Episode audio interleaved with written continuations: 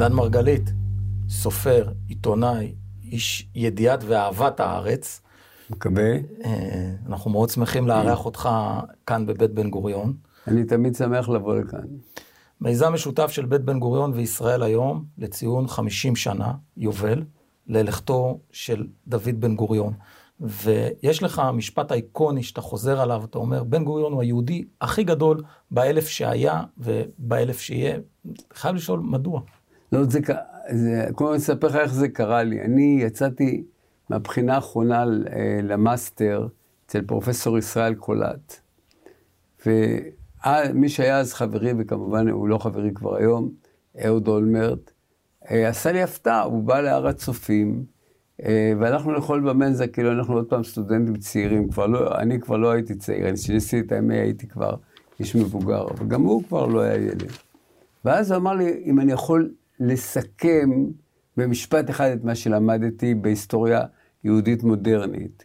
וככה זה יצא לי מהפה, שבן גוריון, לא תכננתי את זה, בן גוריון היה גדול, הוא גדול היהודים שבאלף השנים שהיו, ובאלף השנים שיהיו, ועד היום אין לי סיבה לחזור בי מזה.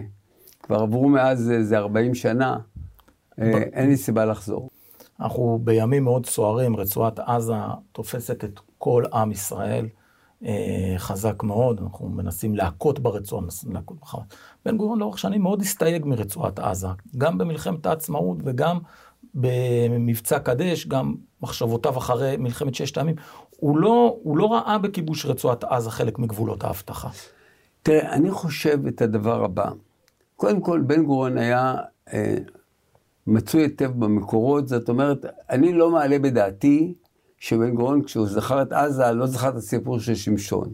לא יכול להיות. זה אנשים, גם לא דיין, גם לא דיין. דיין שכתב את הספר אה, לחיות עם, ה, אה, עם התנ"ך, ספר מאוד מעניין, אה, ושהיה לפי דעתי תלמידו הכי מובהק של בן גוריון. אה, גם אותו דבר. ואז קודם כל, אה, הם אנשים שלא יכולים להינתק מן הזיכרון ההיסטורי. שניהם בעניין הזה של ארץ ישראל לא יכולים להינתק. עכשיו, אני אה, חוש, מעריך שבן גוריון אה, לא רצה את עזה. אני חושב שהוא הנחיל מזה, אני לא יודע להגיד על בן גוריון, אבל אני כן יודע, אם כן, אני יודע מה הוא אמר, ואולי נדבר על זה אחרי שנסוגונו אה, מעזה ב, אחרי מבצע קדש ב-1957. לא, זה היה כבר שבע, זה היה מרס 57. אה, נסיגה. כן. ואני הזכרתי לך דיין הזה, אני אזכיר לך עוד פעם, דיין היה בג'יפ האחרון שיצא מעזה, וזרקו עליו הפלסטינים אבנים, ואז הוא אמר, אני הרמטכ"ל, אני נהנה מ... מכל המנות שיצא, זה, ואני צריך גם... גם המתוקות וגם כן. המרירות שבהן. ושים לב מה קורה בערב 67. לפי דעתי, זה תפיסת בן גוריון, שדיין רק מנסה ליישם אותה. בערב 67, דיין מתמנה שר הביטחון. אני עד היום חושב שזו הייתה החלטה מצוינת. הוא קובע את ממדי המלחמה בסיני. למטכ"ל יש תוכנית קטנה, ללכת רק עד ג'בל לבני. דיין אומר, אין דבר כזה. אה, נאסר הפר את ההסכמים מסיני, צריך לגרש אותו מכל סיני. אבל הוא אומר, הוא נותן להם שתי הצעות, וכמובן הם שלא סולחים לו שהוא נהיה שר ביטחון, אז הם לא מתנהגים כראוי, והם, אני מתכוון במטכ"ל. הם זה במטכ"ל. המטכ"ל.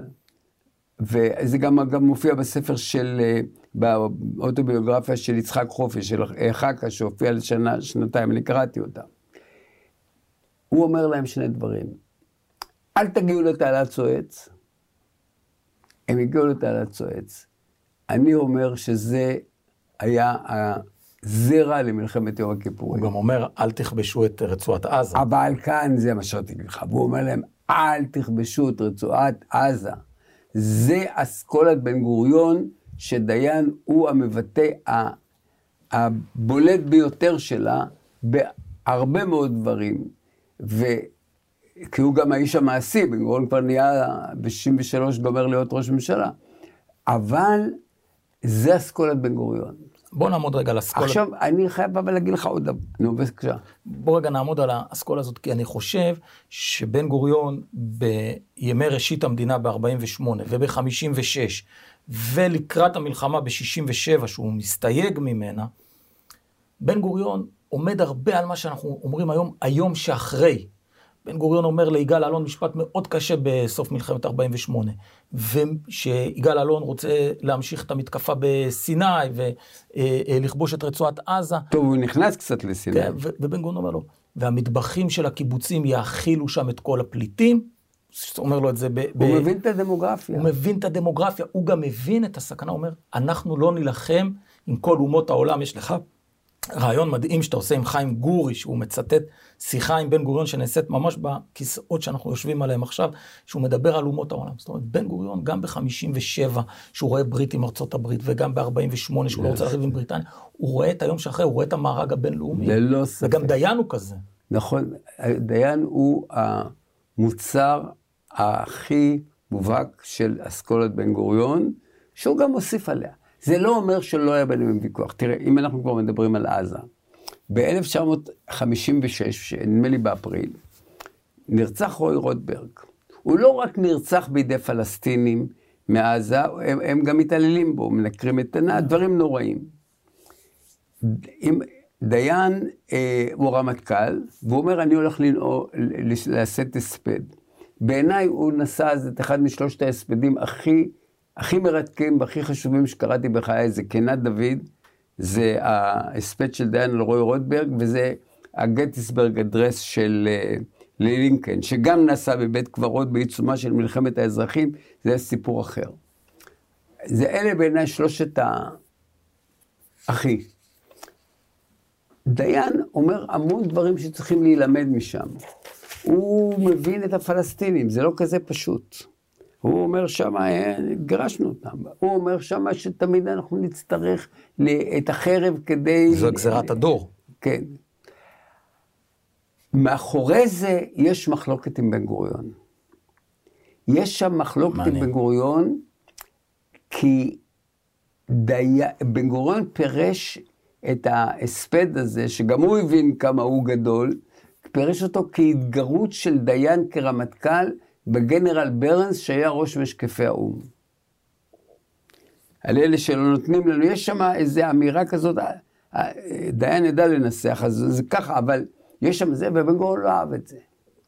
אבל דיין ובן גוריון שב-56, אחרי ההספד המדהים על הקבר של רוי, בן גוריון הוא, הוא בהתחלה שר ביטחון, רק בהמשך הוא נעשה ראש ממשלה. ודיין ובן גוריון... לא, הוא... ב-56 הוא כבר ראש ממשלה. הוא ראש ממשלה, אבל אני אומר שדיין הוא רמטכ"ל ובן גוריון הוא שר ביטחון, כשמתחילים העימותים עם עזה. נכון. ב- ודיין ובן גוריון רואים את הצורך בלשבור את הקונספציה של מהלך תגובתי למהלך של מלחמה, מתוך הבנה שאנחנו זקוקים למעשה צבאי כדי להגיע להסדרים מדיניים, ולא רק ל... ללא ספק. זה דברים שנורא חסרים היום, כשאנחנו מדברים על רצועת עזה. וה... אנחנו רואים בפעולה צבאית, וכנראה שזה לא במקרה שפרשנים כמוך מנסים להבין מהי התכלית המדינית, אולי היא לא קיימת. תראה, אתה רואה את זה עכשיו. אתה רואה את זה עכשיו. אנחנו מדברים, אני לא יודע מי יראה אותנו בעוד כמה זמן, אבל אני מדבר ב- בלשון ההווה. ממשלת ישראל איננה משיבה לשאלה החשובה, ש... מציג ג'ו ביידן לבנימין נתניהו. איזה, איזה הסדר אתה רואה בעזה בתום הקרבות? תשים לב, הוא לא עונה לו.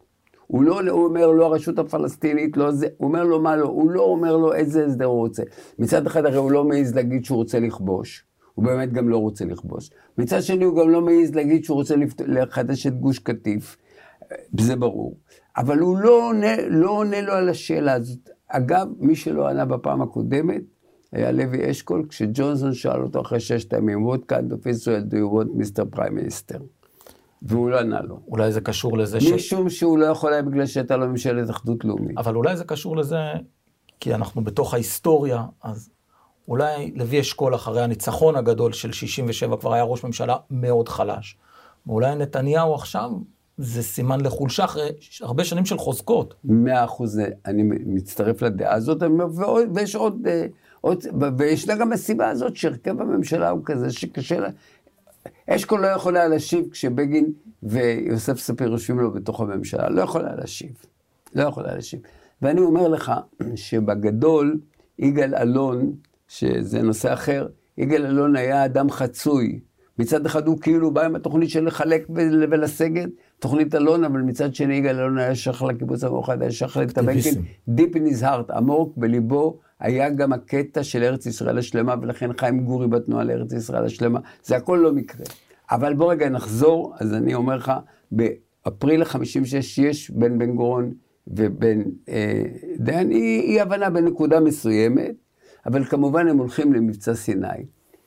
אני פגשתי את משה דיין בפעם הראשונה ככתב עיתון הארץ ב-1965, וואו.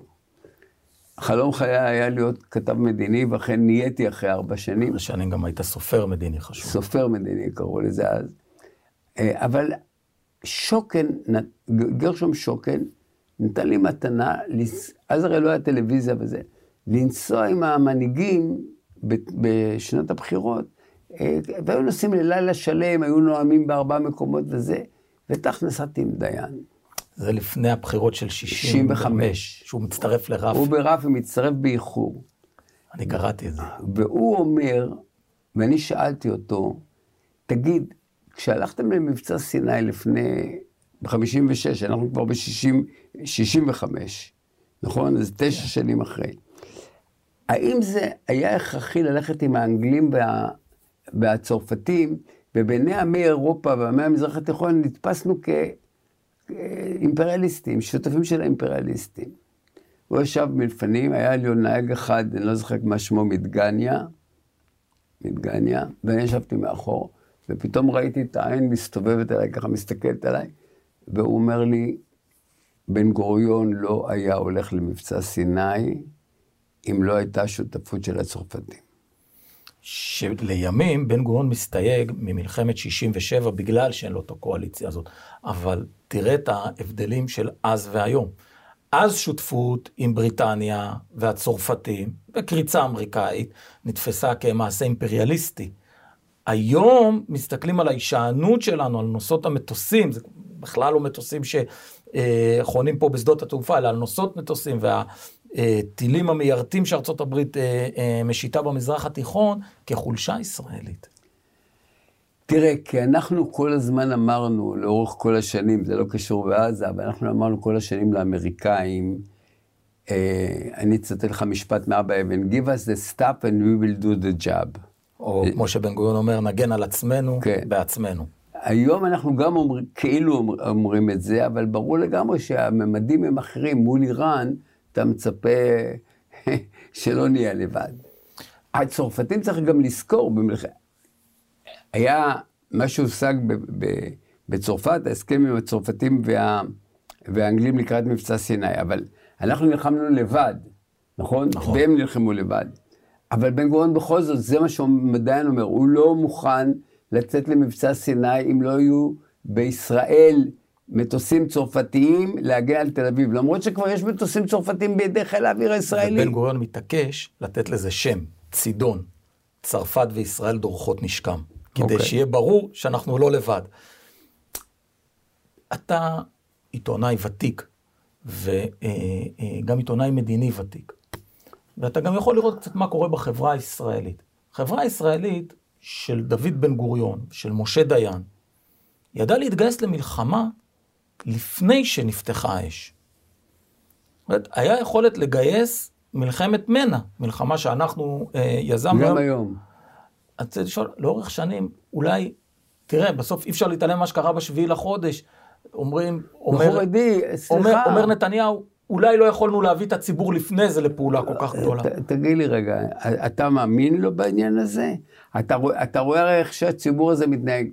הראשון שערער על, אה, על הדור הצעיר בישראל ועל נכונותו להגן על מדינת ישראל היה דווקא סמך יזהר, שבשנות ה-60 קרא בעצם לדור שלי, דור האספרסו, ככה הוא אמר.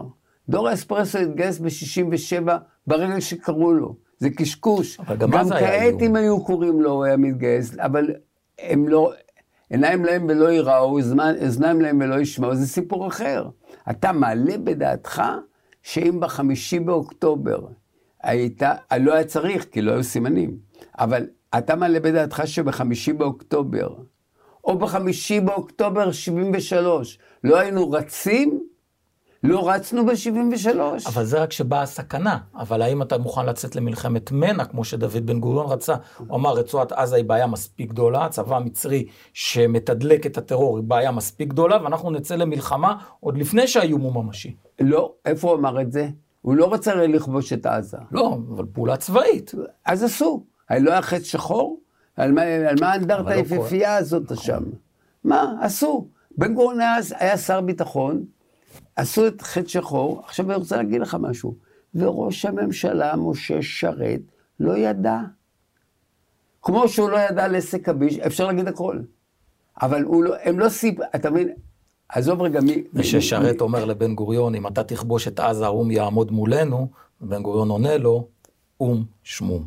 כן, אבל בן גוריון לא התייחס לא- לאו"ם שמום, כפי שאנחנו יודעים. אז הוא אמר לו או"ם שמום כי הוא לא סבל את שרת, אבל הוא לא באמת התייחס אל, ה, אל הזירה הבינלאומית בשמום.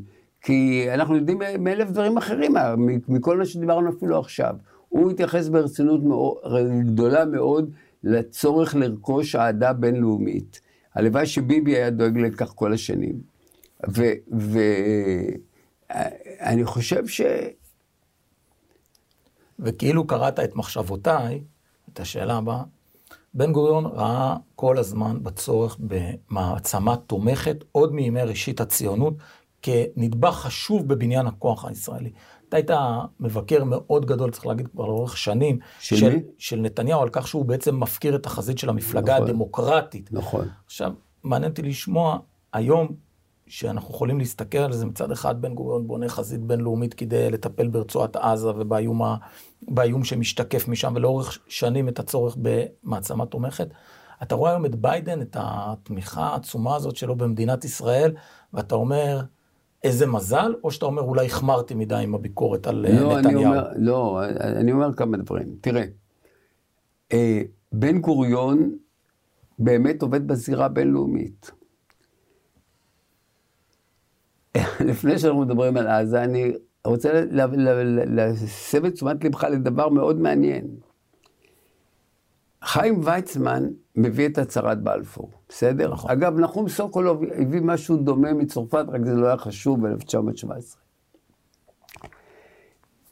ב-1942, בן גוריון מבין שאחרי מלחמת העולם השנייה, הכוח עובר לאמריקה. הכוח עובר לאמריקה, ואז הוא הולך למלון בילדמור בניו יורק, ושם בעצם ישראל, התנועה הציונית דורשת, יחד עם יהדות אמריקה, יחד עם יהדות אמריקה, לא האלה שמתנגדים לציונות, אבל אבא הלל סילבר וכאלה, ועמנואל ניומן, שם היא בעצם דורשת הקמת מדינה יהודית. והוא מעביר את, המש, את המשקל, את הכובד ל, לארצות הברית, כי הוא מבין מעצמה תומכת. הוא תמיד דואג לאיזון בין שתי לאורך המפלגות. לאורך כל הדרך הוא מחפש מעצמה תומכת, והוא צודק. לכן כל מה שאנחנו דיברנו עד כה בעניין צרפת ומבצע סיני, זה, אותו, זה אותה, אותה דרך מחשבה. מה לעשות שהאמריקאים היו חלק מהאמברגו על הנשק לישראל אה, עד, אה, עד, עד מבצע סיני, ובעצם יותר מאוחר. נכון. לפי בן צבי, בסוף אייזנהאור התחלנו כבר לקבל, אייזנהאור זה האיש שמאוד, הנשיא שמאוד התנגד למבצע סיני, די, דיוויד דווייט אייזנהאור, הוא התנגד. אבל, אז לפי בן צבי, אני לא יודע איפה, הוא אומר שהתחילו כבר לתת טיפה נשק, מי שבאמת נתן בפעם הראשונה נשק לישראל היה קנדי, שנתן לנו את אלי האוק, וגם זה הוא נתן משום שהוא חשב, אולי לא בטעות, שישראל הולכת על נשק גרעיני והוא רצה למנוע את זה. אז הוא אמר, ניתן לכם הגנה מפני אפשרות של... של תקיפת דימון. כן, זה הסיפור. אבל כשאתה רואה היום את, את ביידן בתמיכה, לא, אז... אתה, אתה אומר, החמרנו עם הביקורת על נתניהו, או רק זה עוד יותר מוצדק? ממש לא החמרנו עם הביקורת, הוא עשה, שגיע, הוא נהג בשגיאה חמורה. אתה גם אמרת לו את זה, נכון? כלפ, נכון, כלפי המפלגה הדמוקרטית. הוא עשה שגיאה חמורה. עכשיו צריך להגיד, לראות את התהליך ההיסטורי. יש מגמה עוינת, לפי דעתי אנטישמית, לישראל בארצות הברית בכלל, אנחנו רואים את זה עכשיו באקדמיה בכלל, ובאגף הליברלי של המפלגה הדמוקרטית. ויש להם גם תומכים יהודים, כמו הסנטור סונדרס וכו'. אבל התהליך הזה היה תהליך מאוד איטי. וביבי, בזהות, ה, ה, איך הייתי אומר, התהום סיאמית שלו עם טראמפ, גרם לכך שהתהליך הרע הזה קיבל תאוצה. זה מה שבאמת קרה. בגלל ההתערבות הפנימית בפוליטיקה האמריקאית. בוודאי, הלכת עם טראמפ עד כדי כך. טראמפ היו מתנגדים אפילו במפלגה הרפובליקאית, רומני למשל. ואתה הלכת איתו עד כדי כך. זו הייתה שגיאה ממדרגה ראשונה. דרמר היה שגריר ישראל למפלגה הרפובליקנית בלבד. וביבי שגה בזה שגיאה נוראה. זה שג'ו ביידן הוא שני דברים. אחד, הוא אדם הגון. והוא אוהב ישראל, אנחנו ידענו תמיד שהוא אוהב ישראל. רק כשהוא ביקר בארץ בתור סגנו של אובמה, ביבי באותו יום הודיע על שהוא... בנייה על בנייה פרועה. במזרח ירושלים. כן, במזרח ירושלים. מה בוער לך בזה? אבל, אז קודם כל, אדם, דבר שני, יש אינטרס אמריקאי ברור, אה, אה, שמבוסס, אה, אנחנו הרי לא, לא נקיים כאן דיון, בסופו של דבר, העניין העיקרי של ביידן מצוי בסין, והוא חותר לעבר מצרי אה, טיוואן שמה, שזה נקודת הצלקת, ויש לו בעיה עם רוסיה ויש לו בעיה עם איראן. ואם אנחנו נפיל את אה, חמאס, אני לא בטוח בזה הרגע, אבל אם, נפ... ו- אבל אני בעד, על זה. אבל אני בעד, אבל אם נפיל היום את חמאס, אז זה גם משרת את האינטרס האמריקאי. אז אנחנו מדברים על האינטרס האמריקאי, והאמריקאים גם מאוד מבטאים את זה, אתה גם עמדת על זה בדבריך, מה צריך להיות פה ביום שאחרי. והכתב שמלווה את כל הפודקאסטים ואת המחקר ההיסטורי המצוין של ישראל היום, יריב פלג, שוחח בימים האחרונים עם הביוגרף של בן גוריון, אה, מיכאל בר זוהר. ובר זוהר עומד על נקודה אחת שבו התפיסה המדינית של אה, בן גוריון משתנה, וזה ב-56, הוא אומר, הם לא ברחו. הוא אומר את זה לבר זוהר, הם לא ברחו. זאת אומרת, ב-48, כשאנחנו כבשנו, בעידוד... אה, מי ב- לא ברח? הערבים. הוא אומר, הם לא ברחו, הם לא יברחו יותר. אנחנו ב-56 לא כבשנו אוכלוסייה ערבית חוץ מעזה. בעזה, הוא לא אומר, היה להם לאן לברוח, שטות. ואז בן גוריון אומר, הם לא יברחו יותר, אין להם לאן. ממש עמדת על הנקודה, הוא אומר לו, אין להם לאן, הם לא יברחו. אנחנו צריכים להתחיל להבין שלא נוכל אה, אה, להחזיק טריטוריות אה. נקיות מערבים. לכן אני אומר, היום יש כל מיני רעיונות שלא כך מציאותיים, שנצליח ל- ל- לעודד הגירה של האוכלוסייה העזתית, אבל בכל זאת, אנחנו כבר... אנחנו כבר 75 שנה אני מתמודדים עם הבעיה הזאת שבאה אני מעזה. קודם כל מציע למדינת ישראל לא לעודד הגירה ערבית, כי זה מביא אותנו למשברים בינלאומיים קשים ביותר. ובכל זאת, מה נעשה עם דבר רצועת? שני, כשבן אני לא יודע על מה בן גוריון אמר, הם לא יברחו יותר, מעזה לא היה להם לאן לברוח. ביהודה ושומרון ב-67' הם כן ברחו, אבל דיין הבין את- שזה מסוכן, שזה עוד, עוד בניין של דימוי של נכבה. לא כל אחד אידיוט כמו השר הזה, אבי דיכטר, שמתפאר, נכבה של 23, מה, מה זה? אבל- אז- אבל אז אם לא נכבה של עדיין עשר- מאפשר להם לחזור. ועכשיו? מאפשר להם ו- לחזור ב-67. אבל אנחנו מסתכלים על היום, אתה רואה מצב שבו נ- נרשה לאותם פלסטינים שעשו פרעות איומות, ש- ש- שהדמיון לא יכול לתאר כמה, כמה אכזריות היו- אה, הייתה בהם ב-7 לאוקטובר, ניתן עוד הפעם לערביי עזה ל- לגור על, ה, על הגבול. אני אומר לך שאנחנו לא נוכל להוציא את האוכלוסייה של עזה, אנחנו יכולים לשנות שם את המשטר. שני דברים אנחנו לא יכולים לעשות, אנחנו לא, יכול, לא יכולים להוציא את האוכלוסייה, ולא יכולים להוציא את הרעיון הג'יהאדיסטי של חמאס. לא יכולים למחוק את זה. אי אפשר למחוק רעיונות. אז משטר למחוק- צבאי לנצח? אבל לא, בהחלט לא.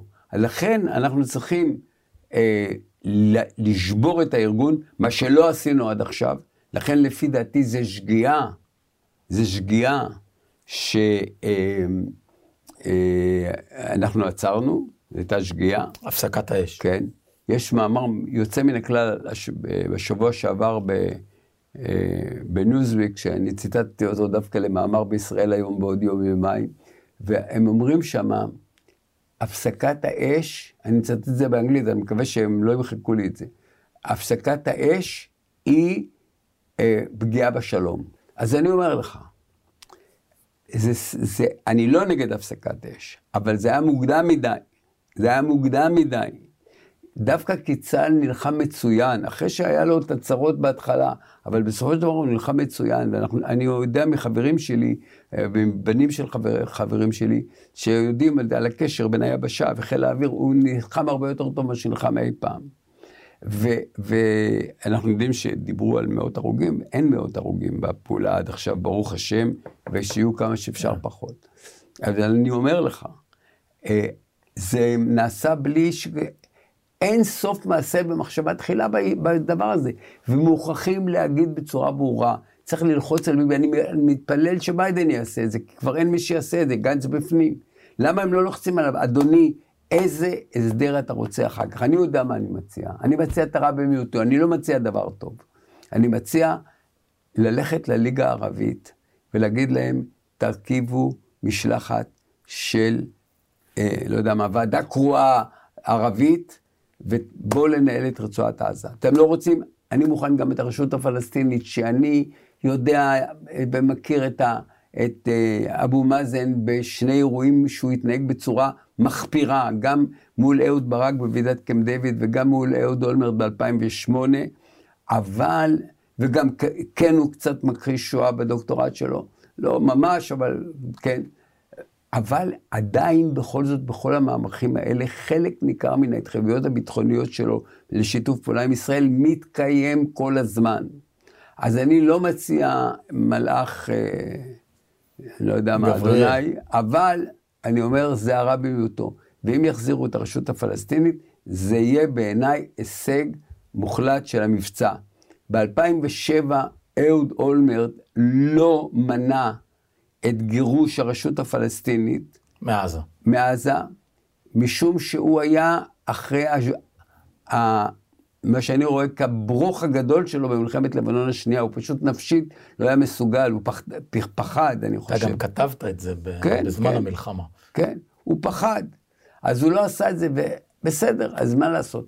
כשביבי בא, שנתיים אחר כך הוא כבר מצא את, ה... את החמאס שם, אני לא יכול לבוא אליו בטענה, אבל הוא אז הוא בנה את הקונספציה. ואם יגיד לך שלא, אז אני אגיד לך שאני מוכן לבוא להעיד, או בפוליגרף, או על במה ציבורית, שבשעה וחצי אחרי הלווייתו של אמנון ליפקין שחק, לכן אני יודע את התאריך. אמרתי אז לרעייתי, יש לי פגישה עם ביבי בתל אביב, אני, אני עוזב קודם כי יהיה בלאגן ואני לא יכול להרשות לעצמי לאחר. כמובן ביבי גם היה שם, אבל הוא נסע עם הצ'קלקות וזה. ועד בפגישה הזאת הוא אמר לי ברחל בתך הקטנה, שהוא רוצה שלטון חמאס בעזה. לך הוא אומר את זה. כן. הוא אמר את זה לעוד אנשים, אני לא חושב שזה אקסקלוסיבי. הוא אמר. זאת הייתה עמדתו, הוא לא הסתיר אותה. הוא בעצם לא הסתיר אותה. אנחנו ככה חותרים לסיום, מסופר על אה, ילד צעיר שהיה יורד כל יום עוד כשהוא היה בן ארבע, לקרוא את כותרות העיתונים, והוא מדווח לאבא שלו שהאצ"ל תוקף בצרפת. אבא שלו מתקן את הילד הצעיר, הוא אומר לו, ילדי, אצ"ל אולי תקף בצפת. כן. אבא שלי עומד עם הסכין גילוח, הוא וסבא שלי, אנחנו לא היה לנו דירה. כן, גר... אז גרנו אצל סבא וסבתא שלי עשר שנים. אז הם שניהם היו עומדים ככה, ואני הייתי עולה מלמטה. הייתי בן חמש, התחלתי להבין לקרוא, לא, אני לא, לא חושב שקראתי טוב. והדבר שהכי רציתי זה להגיד להם איזו ידיעה חדשה. מאיפה הידיעה? הייתה מעיתון דבר. סבא שלי היה מפאיני כל ימיו. אז הילד הצעיר שרץ וקורא את כותרות העיתונים, כי הוא מבין את ההשפעה של הכתיבה, לימים הוא גם כנראה מבין אותה על מנהיגים. אם עכשיו היית צריך אה, לכתוב מאמר נוקב כדי שבן גוריון יקבל אה, הכרעה בעניין עזה, מה היית כותב? מה זאת אומרת, מה אני הייתי כותב שמה הוא יעשה? איך אני מעריך שהוא יעשה? שישפיע עליו. אני בטוח שבן גוריון לא היה רוצה להישאר בעזה, אני בטוח שאילו בן גוריון היה ראש ממשלה, הוא לא היה מקים את גוש קטיף. אגב, גוש קטיף הוקם על ידי העבודה, צריך נכון, להודות את האמת. בתחילת שנות ה-70. ברור, זו הייתה טעות מהותית. אריק שרון פינה את גוש קטיף במהלך נכון, אבל שגוי, שנבע מהרצון שלו לא לנהל, לא למסור את, את רצועת עזה, לא למסור את, בעצם את גוש קטיף לרשות הפלסטינית. למה עשית את זה חד צדדי? למה? למה? בשביל מה? רק מפני שאתה לא רוצה שיהיה לך צילום עם יאסר ערפאת או עם אבו מאזן. יש נושא נורא גדול שהוא עומד, וצריך להגיד את האמת שאף מנהיג ישראלי עד היום לא התמודד איתו, זה מספר כל כך גדול של חטופים ומקרים שוברי לב וממש אה, מכה נפש, שאתה רואה את תמונות הילדים והמבוגרים. בן גוריון היה איש מאוד עקרוני. זאת אומרת, הוא, הוא היה פוליטיקאי מצוין, הוא, הוא חי את הפוליטיקה כל יום, אבל בנושאים גדולים הוא היה מאוד מאוד עקרוני, ובגלל שהוא לא התמודד עם שאלה של כזאת כמות של uh, חטופים, זה אולי שבועי מלחמה, אבל לא כזאת כמות של חטופים. מה, מה להערכתך uh, הייתה העמדה הבן גוריונית העקרונית בשאלה כל כך גדולה? תראה, אני לא יודע להגיד. כי זו שאלה בקנה מידה היסטורי. אני לא יודע להגיד. תלוי באיזה גיל הוא היה, ותלוי מה מצבו היה, ומה מצבו הפוליטי היה. אני חושב שמצבו הפוליטי אחרי, אחרי עסק הביש בתוך מפלגתו היה כבר רעוע מאוד מאוד דומה למצבו של ביבי היום. אני זוכר את הימים האלה שפתאום הוא היה מתגרה בבגין, ופתאום חברי סיעתו לא היו צועקים נגד בגין כמו בעבר. היה רגע כזה, אני יכול להראות לך את זה בפרוטוקולים של מליאת הכנסת. ואני חושב אני לא יודע להשיב על העניין הזה. אני יכול לומר לך מה לפי דעתי היה קורה אם מישהו אחר, זה רק ניחוש בעצם, אם מישהו אחר היה ראש ממשלה במצב שיש לנו 240 אה, חטופים בעזה. אני חושב שיצחק שמיר, out of all people, הוא לא היה עוצר את המלחמה. לא היה עוצר. לא. הוא היה אומר, אני גם יודע משיחה שהייתה איתו בעניין אחר, הוא היה אומר, אה, אומה שולחת את ילדיה לפעמים להיהרג ולפעמים למעצר. הוא אמר את זה. הוא אמר את זה בעניין אחר. ושמיר היה לו את, ה, את יכולת הברזל הזאת להגיד, בוודאי שנחזיר אותם, אבל קודם כל צריך לנצח במלחמה הזאת. אני חושב שיש סיכוי שעוד שני בני אדם יכלו להתקרב לעמדה הזאת. היה משהו חזק בבן גוריון. אומרים לי, אני לא בדקתי את זה, שלמשל בן גוריון לא השתתף באף הלוויה במלחמת העצמאות. זה עניין דואלי מאוד, כי בן גוריון, בחדר העבודה שנמצא מאחורה, זה... הוא כל הזמן קורא אה, אה, שירים של נופלים. רגע, יחד, זה, זה מה שרציתי להגיד לך. מצד שני, בן גוריון הוא האיש שעושה את המפעל האחד והיחיד, גבילי אש. הוא מנציח את הדור הזה שהלך ב-48, זה מכה נוראה, זה 6,000 איש, רובם המכריע, הם צריכים להיות מחר המדענים שלנו, והקצינים שלנו, והמורים שלנו, והרופאים שלנו, הרי מתוך הששת אלפים שהלכו, זה לא התפזר על פני כל הגילים. זה, קודם כל, זה היו אנשים שנלחמו.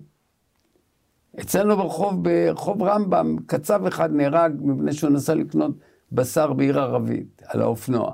אבל, והיה זקן, זקן במונחים של אז. אבל באמת נהרג דור שלם. מה זה ל"ה? זה הכל אוניברסיטה מחר בבוקר. אז אה, בן גוריון לא הלך, כך אומרים לי. אין סימנים, אין סימנים. אחר כך כמובן רבקה גובר וכפר האחים, נכון. הכל ברור. בן גוריון, אני אומר, גבילי אש, אין, אין מפעל גדול כמו ש, שעשה בן גוריון, אבל בזמן המלחמה הוא לא הולך. אני חושב שהוא מועמד לנהוג, לנהוג ככה, יש בו את הפלדה הפנימית הזאת.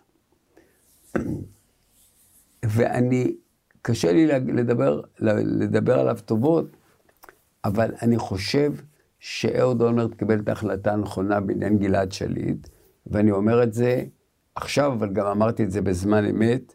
זאת אומרת ש... נכון, בשיא המריבה ידעת לומר את זה. הייתי איתו בשיא המלחמה אז, ועד היום אנחנו כמובן לא מדברים, אבל הוא היה כמו אחי. ו, ואני חשבתי שזה אדיר.